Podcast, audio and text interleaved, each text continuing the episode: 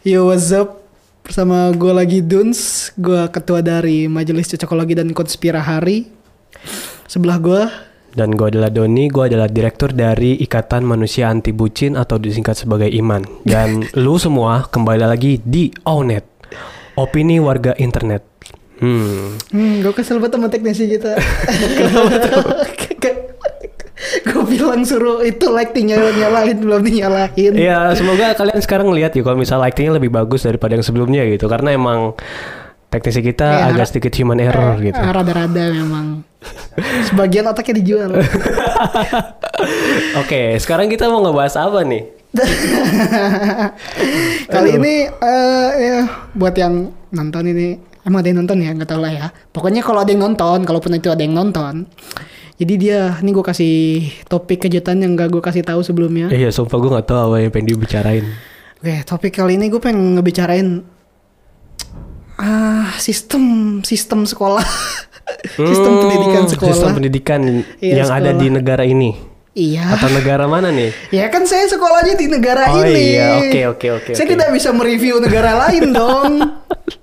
Ngerti gak sih Oke, Anda? oke, oke, oke, Eh. saya ngerti, saya ngerti. Kenapa sih kita harus sekolah pagi-pagi gitu? Jam 7 pagi gitu harus. Terus kalau telat disetrap. Terus Hmm. kenapa rambut nggak boleh gondrong? Wah, gue bertanya, gue jawab pertanyaan lo satu-satu dulu ya. Lo pertanyaan lo bertubi-tubi kenapa dikasih PR? Ya kembali lagi yang yang pertama ya. Gue jawab pertanyaan. Lo ada lagi nggak pertanyaannya nih? itu dulu, itu dulu. Itu dulu. Iya, jawab dari pertama ya. Kenapa kita harus sekolah pagi-pagi? Kenapa kita harus sekolah pagi-pagi? Iya, kenapa nggak jam 10? Kalau menurut yang gue baca sih ya, Yang lu baca, lu baca apa nih? Iya, Majalah apa? Yang gue baca misalnya kayak artikel-artikel yang ada di internet gitu. Anda hobi baca ya? Hobi, saya hobi Anda bohong. Anda tidak tahu kenapa ini mata saya berkantung mata? Itu saya karena kurang tidur. ya lanjut lanjut. ya. Kenapa sekolah itu apa mulainya itu pada saat pagi-pagi? Hmm. Karena ya memang dari dulu orang-orang tuh menganggap ya orang ketika kita bangun dan ya mempelajari sesuatu di pagi hari itu otak kita lebih masuk gitu. Lebih masuk maksudnya gimana? Maksudnya kayak lebih refresh. Maksudnya lo habis bangun tidur lo habis ya kayak istirahat terus lo bangun. Kagak ada, gue baru bangun tidur masih. Hah? Itu Ya kan? masih masih ngisi nyawa. Iya, tapi kan Siapa sekolah baru bangun tidur? tapi kan lo habis bangun tidur lo persiapin diri dulu dong sebelum Ya berangkat sekarang gue sekolah. tanya ya, lu bangun tidur deh ya berangkat sekolah, lu Hmm. ngerasa ngerasa kayak kedebak kedebuk kedebak kedebuk gitu gak sih? Kayak harus Hmm. mandi, harus makan, harus jalan, tidak boleh. Eh, telat, harus bisa menyalip dari sekitar apa pun yang menghalangi, atau ada anjing liar, itu ada ada motor, ada gajrukan, ada polisi tidur, ada mobil minggir begitu, Iya. melewati kemacetan, gunung, laut, air, udara. itu kayak orang cerita cerita cerita orang tua dulu ya kalau Iya. misal mau berangkat sekolah ya. Dulu, Dulu bapak. bapak, ibu mendaki gunung, melewati lembah. Aduh. Kamu mah kamu mah enak sekarang sekolah pakai sepatu. Pakai, kok pakai sepatu? Oh iya bener lah. pakai. Oh iya. Aduh. Gue kira kalau misalnya relevan sama Seragamnya bagus katanya gitu. Iya, kalau dulu katanya nggak pakai seragam, terus Iya, lo harus nyebrang, goni ya kan. nyebrangin dulu. Padahal kayaknya sawah. lebih seru pakai karung goni ya. lo mau ngapain? Lo mau lo mau pakai ini apa tuh yang misalnya ah gak tau lah gue yang buat pemulung tuh ngambil botol kayak gitu. apa sih namanya? Gue lupa yang Ya, ya, besi lah, besi, tajam besi, itu besi. ya, yang besi lah bekas Iya. cat. lo mau kayak gitu? Pakai karung goni. Ya enggak kan itu pakai pakaiannya sebagai pengganti seragam. Maksudnya gitu kan lu pakai itu. Pakai pakaiannya, bukan Iya. lah, bukan tasnya. Hah? Hah? Tasnya ya, gue jadi pakaiannya. Kalau pakainya karung goni, kelihatan banget anjir. Tapi emang emang lu zaman hidup zaman penjajahan ya? emang lo hidup Kayak beat gue Ya balik lagi Kenapa kenapa harus jam pagi-pagi Kenapa Jam 7 gitu Karena emang kalau pagi-pagi orang-orang ya anak-anak contohnya itu waktu terbaik untuk ya otak itu yang tadi sebelumnya eh, itu bakal ke refresh lagi dan juga bakal lebih seger kalau misalnya pagi-pagi sih kalau menurut gua. Ya lu ngerasain gak kalau misalnya malam nih lu belajar hmm. contohnya mungkin di atas jam 9 lah lu belajar Hmm. Nah lu tuh ngerasa kayak ah udah, udah capek, pikiran lu udah capek, lu udah belajar di sekolah, terus lu udah kayak kayak udah Ah, ini ini berkaitan gitu. lagi. Jam sekolah kita kayak terlalu panjang gak sih? Oh yang full day school ini ya? Iya. Apalagi kalau eh, zamannya gua masih sekolah itu kelas 3 ada PM. Oh, Udah sekolah sore pulang tambah sore itu gua nggak ngerti sih maksudnya kita kita itu disuruh ngapain gitu. iya sih, itu juga termasuk gitu. Taruh lah, kita satu-satu lah. Ah, iya satu-satu. Dari kenapa Tapi gue gak setuju maksudnya sekolah jam 7 pagi tuh kayak ih apa sih? Kayak kayak orang jadi kayak buru-buru gitu. Buru-buru terus kayak kedebuk-kedebuk kadang ada yang ketinggalan Iya, udah gitu nih ya. Satu sekolah di Indonesia menganut jam yang sama, jam 7 pagi. Mm-mm. Jadi kalau uh, udah tahu Indonesia macet ya. Indonesia macet ya. Orang jam kerja jam 7 pagi, orang sekolah jam 7 pagi itu dari sekolah lain. Jadi itu kita beraktivitas yang sama, ya macet-macet juga ketemunya. Iya, jadi ya resikonya telat itu tadi iya, gitu kan. telat itu tadi gitu. Kenapa tidak dibeda-bedakan jadwalnya? Misalkan daerah Tangerang jam 7. Mm-mm. eh terus daerah Tangerang Selatan Hmm. jam 8 gitu. Atau misalkan sekolah sekolah A jam 7, eh, Ah. sekolah B jam 8, sekolah C jam 9. Buset. Jadi kag- kagak bentrok kita. Jadi, eh lu sekolah itu ya? Iya. Tapi lo pernah nggak? Ini kan lo tadi ngebahas eh, kenapa sekolah itu berangkatnya pagi-pagi itu, masuknya pagi-pagi. Tapi lo pernah nggak sih ngerasain sekolah itu ya kelas siang gitu? Contohnya lo masuknya siang. Ya, emang dari sekolahnya peraturannya siang maksudnya gitu. Pernah, lebih tapi lebih enak siang sih. Kenapa alasannya? Ya kagak pertama nggak buru-buru, tapi siangnya juga ngeselin sih maksudnya. Nah. jam satu gitu. Ya abis sholat buru-buru juga. lah itu dia lo mikir dulu nih lo mau sholat dulu atau enggak ya gitu maksudnya jalan. jamnya jam kayak jam 2 gitu loh. Hmm. Terus juga gimana ya? Tadi lu bilang eh ya ini kita kita runtutin lagi ya. Hmm. Tadi lu bilang eh, pagi itu katanya lu bilang masih fresh. Iya masih fresh. Masih fresh. Hmm. Terus eh, alasan juga kayaknya kalau malam jam 9 atau selanjutnya selanjutnya lu udah capek kan. Nah, itu Hmm. Iyalah. berkaitan masalah jam kan. Kita kayak terlalu lama banyak belajar di sekolah. Padahal pelajaran di sekolah tidak semuanya dipakai di kehidupan nyata. Kenapa suaranya mengecil pada saat itu ya? Agak itu. Hmm, kurang Hmm, minum Oke oke. gitu.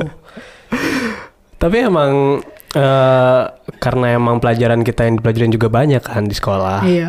Ya, harus jadinya- belajar semuanya ya. Iya, ya emang itu sih sebenarnya yang harus di harus harus pinter semua bidang kan ya kita ya dituntut ya. Iya emang bener kan? Iya benar Iya benar. kalau kalau kalau nggak lulus ya ya nggak lulus gitu. Iya.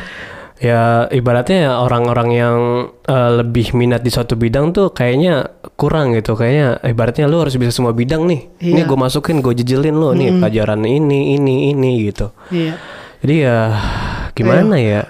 Ayo capek kan? Capek sih kalau misalnya gue jadi siswa dulu juga gue ngerasa capek sebenarnya. Tapi ya emang itu keadaan yang emang terpaksa. Dari dulu emang kurikulum kita udah kayak gitu gitu. Dari, terutama ditambah lagi dengan kelas yang namanya full day school gitu. Saya saya nggak nggak nyebut kurikulum ya saya nggak nyebut bukan saya bukan saya. Ya terus apa dong sistem belajar? Lu, lu mau nyebut sistem belajar kurikulum sama aja lah. Ayo gue bilang sistem pendidikan lebih aman. Gak ada yang kamu dididik. Besok ntar depan rumah gue ada tukang bakso, gue diculik kayak gitu. kayak gitu. Sebenarnya emang dari dulu Iya. sistem pendidikan kita udah kayak gitu, susah untuk dirubah. itu tapi ya ya ya bukan susah di rumah di rumah belum bisa. Cuman masalahnya mau apa enggak ya? Kalau nggak dirubah ya manusianya kualitasnya kayak kita kita lagi jadinya. Hmm. gitu jadi kayak nggak ada pembaruan gitu nggak nggak ada efektivitasnya ya seharusnya ya di sekolah itu kan kita seharusnya semangat belajar ya Hmm. tapi gue di sekolah bukan semangat belajar sih Apa tuh? semangat main ketemu temen Oh, jadi esensinya udah beda gitu ya? iya ya belajar mah ya belajarnya nyontek gitu ya, ya sekarang Tapi ini nggak semua ya, nggak semua kayak gini. Ya, lanjut, lanjut. Elah, siapa sih yang pernah nyontek jujur dah Orang terjujur ya nggak ada ya, susah ya buat Eh, nyarinya. ya lu pasti nyontek coy Iya. pasti nyontek. Orang-orang yang gak nyontek secara langsung gitu pun, dia baca buku, dia inget, Mm-mm. dia tulis jawabannya di ujian, itu nyontek juga, kan dia inget. Bener sih. Terutama ya itu tadi kan memang salahnya juga mungkin ini sebuah kesalahan gitu. Sistem ujian kita tuh rata-rata tuh menghafal juga gitu. Menghafal. Iya, jadi kayak setelah kita eh, baca buku kita Itu metode hafalin kuno nggak sih? kuno sih kalau menurut gua. Kuno ya. Kalau muka- Eh, bukan kuno ada bahasa kerennya. apa tuh? Ancient. Iya oke, ancient. Ancien tulisannya. ancien. Eh, Eh, gua- gua- lagi lu. Ah, malu-maluin, malu-maluin. Gue ya kayak gitu tadi. Masa gitu. gue ngomongnya ancien. Ancient, ancient. Oke, ancient. Gak sih gue gue nggak nggak suka aja gitu. Gue udah gitu lebih sering dapatnya jam pagi mulu kan sekolah dulu SD SMP SMA. Pagi ya kan kalau telat disetrap. Kalau udah disetrap nanti suruh baca surat ya bagi yang muslim. Mm-mm. Ya iya bagi Iya yang iya muslim. iya muslim. Tapi kan juga bisa orang yang ini tapi baca surat yang lain gitu. Ya, lanjut dong, lanjut dong. Di sekolah, lu kan satu sekolah sama gua, Pak. Lu pernah ngeliat emang ada Ya. Ah, elah lu bikin gue pengen ketawa dong. Gue gak pernah ngeliat orang yang pakai Injil gitu suruh ngapalin Injil. Ini surat Matius berapa ayo Oh, gitu. iya, beda. Gue gak pernah ya kan orang mayoritas Islam semua. Hmm. Mati ntar potong aja kayak gitu. Gue takut. Gue juga takut anjir. Jangan ngebahas soal agama di sini.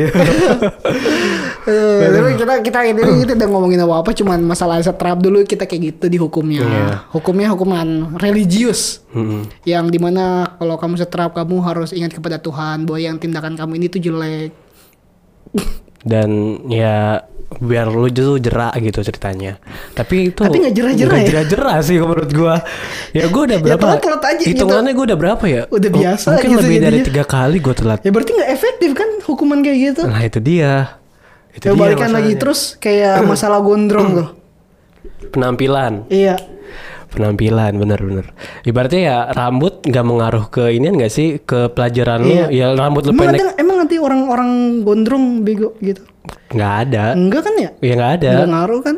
Justru mana orang-orang yang emang pekerja kreatif rambutnya gondrong-gondrong sih. Gitu. gitu kan. Kalau misalnya soal penampilan ya menurut gue sih itu harusnya kayak kayak mungkin kalau misalnya di di ranah sekolah dasar sampai sekolah menengah atas gitu kan itu masih ibaratnya masih dikekang oleh sesuatu sistem gitu. Kenapa sepatu harus hitam? Mungkin untuk sega, sebe, segeragaman apa sih? Seberagaman. Seragam seragam. beragam maksudnya biar seragam gitu loh antara yang lain. Seberagaman. gua gua kata-katanya susah ya kayak kayak gitu sih. Gak setuju sih gue apa ada kenapa harus warna hitam Padahal warna yang lain banyak bagus-bagus dan ya kenapa harus hitam Mm-mm. Kayaknya kayak suram banget gitu Iya. Sepatu harus hitam kalau enggak disita ya kan Rambut harus pendek gitu. Harus rapi, Harus cepak. rapi. ada bahkan di sekolah di daerah sini tuh ada yang harus cepak atau botak gitu sih Padahal ya maksudnya buat apa juga gitu kayak rapih tapi kalau orangnya aruk-arukan Bukan. urak-urakan Kok Aruk-arukan aruk-arukan bahasa mana? Agak maksudnya yang penting kan menurut gua ya jangan dinilai dari penampilannya gitu ya. Sopan santun, akhlak mm, gitu aja. Hmm. Attitude nomor satu sih. attitude aja, sopan. Ya kalau penampilan dia rambut gondrong atau kayak gimana menurut gua nggak jadi masalah kecuali dia misalkan tentara ya tentara mah wajar masa lagi perang rambutnya panjang Hmm. di hutan ASN, ASN lah gitu. masa nyangkut gitu nggak lucu eh, perang mau tembak oh nyangkut nah tapi itu kan sekolah hmm, kan pakai kertas kita belajarnya gitu Hmm. jadi nggak ada sangkut pautnya lah ibaratnya nggak kalau misalnya sama gue juga sepatu sepatu dan hitam sepatu juga gitu. nggak nggak ada masalahnya gitu itu yang gue denger sih kalau kayak gitu seragam eh, keseragamannya supaya seragamnya itu maksudnya lebih kayak mm, memisahkan jurang yang kaya dan miskin tapi menurut gue itu nggak efektif alasannya ya dari berbagai aspek lu bisa kelihatan orang yang eh, kaya sama yang miskin bukan cuman karena sepatunya atau apanya tapi bisa dilihat misalkan dari kantin jajanannya Hmm, tongkrongannya tongkrongannya terus gaya ngomongnya terus apa ya lagi tuh Apa tuh? Eh, Circle-nya juga kan termasuk Iya pokoknya mukanya glow up apa enggak Oh. Perawatan apa Perawatan. enggak Itu udah kelihatan Maksudnya percuma juga kita Dengan cara kayak gitu gitu Cara kuno Hmm. banget gitu Iya sih, tapi kalau misalnya itu kan tadi kan soal rambut dan sepatu ya. Kalau misalnya soal pakaian, kayak ibaratnya seragam, ya emang kita udah tentuin seragamnya gitu. Tapi ada juga yang orang-orang yang kayak pakai baju adeknya gitu, baju SD lu pakai buat ukuran tubuh yang SMA gitu. Itu gimana kalau misalnya roknya kayak mungkin kalau cewek misal pakai rok? Gak tahu sih. Gue Di- sih cowok seneng-seneng aja ngeliat ya iya sih, itu emang emang itu kan kayak ya itu jadi tontonan publik juga, jadi tontonan orang-orang di Ya, situ. Itu mah masalah pribadi sih Itu masalah pribadi jelas kalau itu mah Tapi itu juga dilarang kan kalau misalnya di dalam Ya kalau sistem. ketahuan mah dilarang Ya Balik lagi sih ya Masalah attitude-nya juga Gitu orangnya Hmm. nggak bisa juga kita eh, bilang yang dia berpenampilan jelek sifatnya jelek belum tentu Hmm, hmm. Hmm, kalau pendapat gue sih nih ya, ini pendapat gue ya. Jadi kalau misalnya kenapa emang diseragamkan, maksudnya kayak ya lo harus kayak gini, rambut lo harus harus pendek. Itu biar ibaratnya ya mencerminkan orang yang berpendidikan sih. Ngerti nggak maksud gue? Kayak ibaratnya lo kelihatan, ya mungkin tadi yang lo bilang tadi gitu, dengan si kaya dan si miskin itu kelihatan, tapi dalam kehidupan sosialnya gitu kan. Gimana orang yang kelihatan ini berpendidikan pasti penampilannya bakal kayak gini. Ya ya ibaratnya ya don't judge book by the cover tuh menurut gua ya di di di ranah tadi gitu. Kelihatan banget dengan lo yang berpendidikan dengan yang enggak gitu sih kalau menurut gua. Tapi itu emang masih ini yang sih relatif gitu. Nggak nggak semuanya kayak gitu dan ya si rancu juga dalam kehidupan kan? Hmm ya intinya sih gua seharusnya terserah si muridnya sih kalau masalah eh kalau gue mah setujunya nggak setujunya di masalah sepatu hitam terus rambut gondrong berangkat sekolah pagi-pagi. Hmm, jam sekolah yang terlalu banyak pelajaran yang harus kita nilainya semuanya bagus itu apa ya? Kayak jadi kayak kayak nggak jelas aja fokusnya ke mana-mana. Terutama kalau misalnya emang orang yang berpenampilan seperti orang yang berpendidikan tapi sebenarnya nggak ada attitude-nya gitu. Ah, iya, itu susah sih tapi Ya, emang yang penting sih itu dia sih. Menurut lu di Indonesia tuh selain yang tadi itu ibaratnya itu adalah hal yang kurang apalagi gitu? PR ngapa harus PR hmm. Ibaratnya kita udah lebih dari 8 jam atau ya 5 jam gitu kan di Iya. sekolah. Terus kita dikasih rumah di rumah kita dikasih PR lagi gitu sama guru kita. Wah. Itu sih sebenarnya kalau misalnya menurut gua kenapa Udah gitu- dikasih PR dikasih PR PR-nya tugasnya tugas kelompok Aduh. Susah ya bang ya. Kalau misalnya PR susah ke tugas kelompok dan itu tadi. dapatnya orang-orang yang begitu Iya itu dia.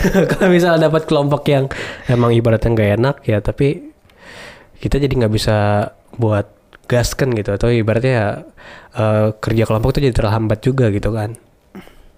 Tapi nih eh, kalau misalnya soal PR, mungkin hmm, si pengajar ini pengennya itu kita tidak lupa dengan pelajaran yang diberikan di sekolah.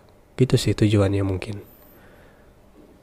Jadi makanya guru-guru itu ya mungkin para pengajar ini memberikan kita sengaja memberikan kita tugas yang harus dikerjakan di rumah. tapi kan nanti si anaknya itu patokannya jadi ngerjain tugas buat dapat nilai bukan buat dia belajar buat kepentingan dia pribadi ya buat ngejar nilai doang bukan buat ngejar ilmu Hmm, iya. Kali ini gua gua agak gimana ya? Emang emang itu sebuah kehidupan yang nyata sih. Maksudnya itu realistisnya kayak gitu. Jadi ibaratnya kita sebagai mungkin siswa gitu buat sekolah malah justru bukan mengajar bukan mendapatkan ilmu tapi malah justru mengejar nilai. Itu sih yang salah juga sebenarnya. Dan harus diperbaiki contohnya gitu kan.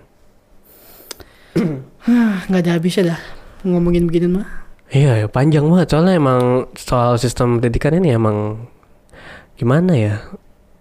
Agak luas juga sebenarnya pengaruh dan juga dampaknya terhadap kehidupan. iya terutama SMP SMA sih Hmm. kalau SD mah kayaknya ya SD juga sih maksudnya harusnya ada perbaikan gitu kayak melihat dari sisi si anak muridnya kayak Anak gimana muridnya. perkembangannya kayak gimana harus banyak yang dievaluasi intinya gitu bukan cuman sekedar ngikutin peraturan tradisional yang sekolah tuh harus begini gitu Hmm, hmm, hmm. Tapi lu ada solusinya nggak soal permasalahan kayak gini nih? Contohnya kayak yang tadi sebenarnya sistem pendidikan kita tuh harusnya dibawanya ke arah mana gitu. Coba aja ikutin negara-negara yang udah berhasil. Contohnya Finlandia, kayak gimana tuh? Gue nggak tahu sistem pendidikan di sana tuh kayak gimana. ya seingat gua, seingat gua anak-anak itu difokuskan kepada bidang apa yang dia mau dan juga belajarnya nggak lama. Hmm, karena emang belajar yang nggak lama, dia harus mempunyai sebuah passion ataupun ya dia yang apa dia yang mau tuh harus dikembangin gitu di luar pelajaran sekolah ini gitu kan. Gue setuju sih soal itu. Dan juga sih kalau misalnya kita berkaca juga nih gue nyambung dari lo ya. Kalau misalnya kita berkaca kita juga bisa berkaca dari negara Jepang contohnya. Kayak ya mereka tuh mungkin soal soal attitude tadi kita harus ada pendidikan moral sih sebenarnya. Kalau Jepang bisa iya bisa enggak sih. Dia Kenapa? kalau dia strict, ketat dia Hmm. dan emang anak-anaknya juga bisa diatur. Nah, ya mungkin emang pendidikan moral dari dasarnya udah bener gitu. Iya. Cuman kalau misalnya sini kan, Enggak juga sih, cuman kayak dia emang strict aja. Dia juga punya banyak masalah pendidikan juga sih. hmm. Itu tadi eh, solusinya untuk apa namanya ngikutin dari negara tetangga gitu. Enggak, gue nggak bilang harus ngikutin, cuman contoh. Contohnya, contoh bahan. lah ini gitu. Iya, gitu aja Selain sih. itu, Apa ya baru itu sih kayaknya ya sisanya mah ngelihat evaluasi aja setiap tahun apa yang udah dicapai dari anak-anak itu. Lihat aja. Apa? Apa? Ya apa tanya gue nanya lu apa? nggak tahu gue. gak tahu. gue juga nggak tahu. Habis sekolah gue dapat apa sih? Ibaratnya eh 9 tahun untuk disekolahkan, ya 12 tahun. Iya salah, 12 tahun maksudnya sampai SMA kan. Ya dalam kehidupan nyatanya ya nggak, ah, maksudnya kayak sedikit gitu, sedikit yang bisa dipakai gitu. Kayak gitu sih. Emang berat ya misalnya, misalnya membahas soal sistem pendidikan ini. Terutama ya, ya kalian tahu sendiri kan kalau misalnya pendidikan di negara ini tuh belum rata sepenuhnya gitu. Iya, masih yang bener-bener mendaki gunung masih ada yang ada kan? Iya masih ada akses keterjangkauan dan juga ya lu tahu sendiri kalau misalnya lagi keadaan kayak gini kan orang-orang yang sekarang ini ibaratnya sedang sekolah dari rumah Ya Allah. kenapa anda seperti itu Enggak, itu jadi ngomong gitu nanti jadi sistem pendidikan era pandemi. Oh, nanti itu iya. judul baru aja. itu lah Ya, itu capek saya ngomong gitu. Tambah berat hati. Karena saya merasakan langsung sekarang. ya kayak kayak kasihan gitu sebagai Lu gua kasihan sama sama gue. ya enggak lah ngapain lu gue kasihannya sama orang yang masih mengenyam sekarang gitu Hmm. Lagi di era pandemi gini terus Tugas mulu. tugas mulu ibaratnya Punggung pegel. depan laptop mata minus atau plus gitu kan. Terus ya ya mungkin kebanyakan orang atau siswa ini jadi cuman jadinya ngejar nilai makin nyata gitu. Cuman ngejar nilai jadinya ibaratnya. Iya. Tapi nilai. emang emang pusing sih menteri kita juga pusing kayaknya nih. Siapa menteri kita? Menteri kita menteri kita ini kan apa namanya Nadiem Makarim. Oh. Iya. Oh iya. Dia juga lagi pusing untuk gimana sih caranya Yang menghilangkan UN kan? Iya. Iya. Nah, itu lu tahu kan itu kayak sebuah gebrakan juga gitu. Tapi yang gue baca waktu itu kalau nggak salah dari gue lupa sih, pinter politik apa Tempo ya, di posting rapot merah beliau. Beliau soal pendidikan ini. Iya, iya tapi gue gue mah nggak bisa ngomong apa-apa ya. Coba gue gue tidak berhak sudah nilai-nilai apa namanya Iya. nilai Pak Menteri yang Hmm. kalibernya sudah sebesar itu. Cuman gue cuman ngomongin yang ada di media aja waktu itu ada kayak gitu. Hmm. Sekolah di masa pandemi. Sekolah di masa pandemi. Kenapa kita nggak libur aja selama pandemi ya? Terus mau ngapain? Ya ngapain ke? Ngebajak sawah ke? Jangan dong. Ya ibaratnya kita juga butuh orang yang ber- berpendidikan lah. Ya mungkin sekarang sekarang itu eh, rata-rata mungkin ya pendidikan itu hanya sekedar gelar. Jadi kayak untuk mendapatkan ilmunya sepenuhnya itu sulit gitu sih. ya memang begitu kondisinya saat ini sekarang ini di sini Iya. di negara ini. Dan lo tau gak sih, sebenarnya gue pernah baca dari berita di media online gitu soal sebenarnya kenapa kita masih sekolah dan ya emang sistem pendidikan pada saat pandemi ini kayak gini itu supaya mencegah eh, apa namanya siswa-siswa itu adanya atau anak-anak itu terjadinya pernikahan di usia dini gitu. Lu pernah baca kayak gitu? Gue pernah baca kayak gitu. Jadi makanya kenapa dibuat sedemikian rupa dengan sistem belajar kita di pandemi kayak gini dan ya PJJ ataupun sekolah online atau semi offline gitu kan. Itu emang ketakutan kita semua sih. Ibaratnya ya lu tadi bilang kalau misalnya kita diliburkan takutnya kayak gitu, Pak. Makin banyak ya? Makin banyak. Populasi makin banyak. makin banyak Makin populasi. capek ngatur ya? Makin susah jadi ya gitu loh. Hmm. Ya tapi ya, aduh, aku bingung sih. Udah gitu, belum lagi beberapa oknum, oknum, Oknum apa nih? oknum. Oknum, oknum yang mengatasnamakan apa? Kenapa anda tertawa? Oh, gue tau, gue pengen ngomong gak ya? Kayak Kena- gitulah. Makanya itu gara-gara oknum ini saya Hmm. sering tidak paham belajarnya gitu. Hmm. Apalagi galak banget nih oknum nih. Kalau ngajar galak banget gitu. Oh ini maksudnya ya salah satu oknum dari tenaga pendidikan gitu. Iya banyak oknum maksud gue. Oh, oknum, ini Iya, oknum. Apalagi Hmm. yang tidak sesuai pada kapabilitasnya mengajarkan sesuatu yang tidaknya. Jadi saya tidak pengerti. Ada juga emang ok- oknum itu mereka nggak tahu caranya bagaimana mengajar kan. Itu juga memang males. Ada juga oknumnya oknum. Oknum ini oknum kita nggak bacain oknum ya. Oknum. Hmm. Mm-mm. Kayak gimana ya orang-orang juga pada pusing sih kalau misalnya ini. tadi kan solusi ini kebalik lagi nih ke solusi tadi kan. Tadi kan lu bilang mencontoh dengan negara lain itu udah nih tadi lu sebutin tadi. eh ya kurang lebih sih. Kurang lebih. Kurang lebih buat sekarang aja sih. Maksudnya buat, buat sekarang gue ngomong gitu aja sih. Kalau soal yang di tengah pandemi kayak gini gimana menurut lo? Solusinya? Jangan gue terus dong. Coba lu gimana?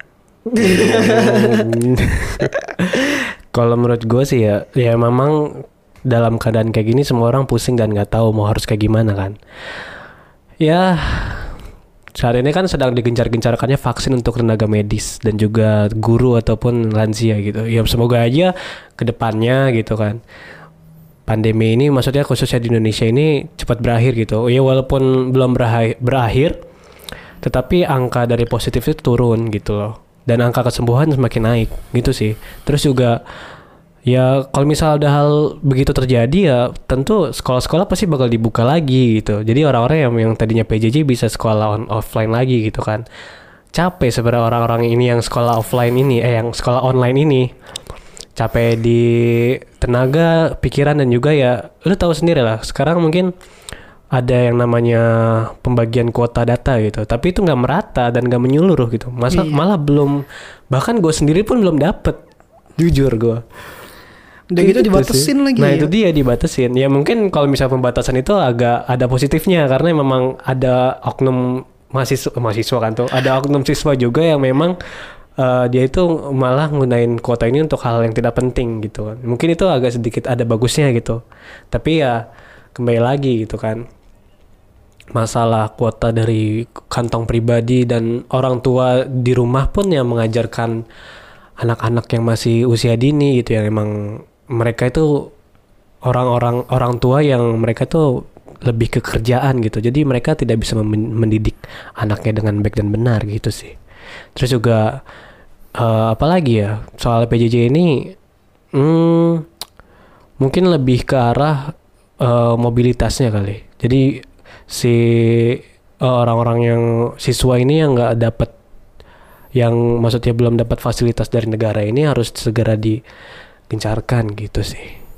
Iya. Pusing juga sih gue misalnya solusi dari sekolah PJJ harus kayak gimana. Nggak sekolah, iya lo enak lempar baik ke gua. pada nganggur. lempar baik lu sih lu? Ke sekolah pada nganggur. Kalau misalnya sekolah pada pusing, bingung juga. Ya, gue sih nggak bingung sih. Gue banyak kegiatan. Iya, Makanya cari kegiatan. cari kegiatan, iya bener sih. Iya, naik sepeda. Tapi kan itu nggak me- me- menambah apa ya? Ya kan kegiatan, yang penting kegiatan. Yang penting kegiatan yang positif gitu kan. Ke mana gitu jalan-jalan, ketemu Anya tiba-tiba ya kan, bonus tuh. Itu bonus. Bonus, bonus Gue juga belum pernah ketemu Anya sialan. itu kan solusi gua nih. Tapi kalau eh, solusi dari, oh iya solusi lu. Iya, solusi solusi gua. gue sih, ya gimana ya? Eh, sebelumnya kan eh, Pak Menteri kita bilang katanya untuk merampingkan kurikulum Hmm. buat PJJ ini. Menurut gue masih kurang ramping sih. masih Hmm. kayak masih diterapkannya masih kayak tugas kelompok lah, terus Hmm. kayak masih sekolah juga jamnya jam lama juga lumayan dan ngasih tugas-tugasnya tuh lebih kayak banyak tugas semua gitu ujung-ujungnya tugas-tugas semua kan rata-rata ya pertemuan pertemuan dia di sekolah atau pertemuan apa gitu ujung-ujungnya ngasih tugas juga Hmm. Hmm. Eh, gue kepikiran tadi satu ide. Soal kalau misalnya gimana di setiap sekolah itu emang disediain sebelah platformnya sendiri untuk dapat gurunya itu mengisi materi. Kayak contohnya mungkin di salah satu platform bimbel online gitu kan. Itu kan ada tuh. Jadi kayak jadi dia tuh menyediakan ya buat orang-orang yang ini gimana cuk Iya juga sih ya. Mhm. Buat orang-orang yang keluar berani. lagi duit Iya. negara nanti Aduh pusing. ya itu sih menurut gua lebih kayak merampingkan kurikulum lain lebih dirampingkan lagi Hmm. dan juga eh, buat tenaga pengajar jangan berat-berat banget ngasihnya gitu ngasih tugasnya maksudnya ya ya bingung juga sih maksudnya kadang juga diringanin si siswanya juga ngelunjak ngelunjak diringanin siswanya ngelunjak Eh, nggak saya diringanin tidak, saya ngeluh. tidak membelain ke mana-mana ya karena saya tahu ada beberapa dari kalian yang memang melunjak iya gue ngeliat sendiri kok Udah dikasih tugas gampang kagak dikerjain. Nanti udah hari ha- ujian kagak bisa. Karena nilai tidak mencukupi. iya terus nyalahin ininya gurunya Nyalain gurunya. Ya, Padahal salah sendiri. salah diri sendiri padahal Udah dikasih tugas gampang padahal. Tapi memang ada beberapa yang ini oknum menyusahkan memang ada. Hmm. kayaknya emang kalau misalnya soal oknum ini dia harus dikasih arahan lagi sih kalau Bro bukan arahan sih. Apa tuh? Sanksi. sanksi Iya. kenapa sanksi ya kan tidak korban ya. oh Oh.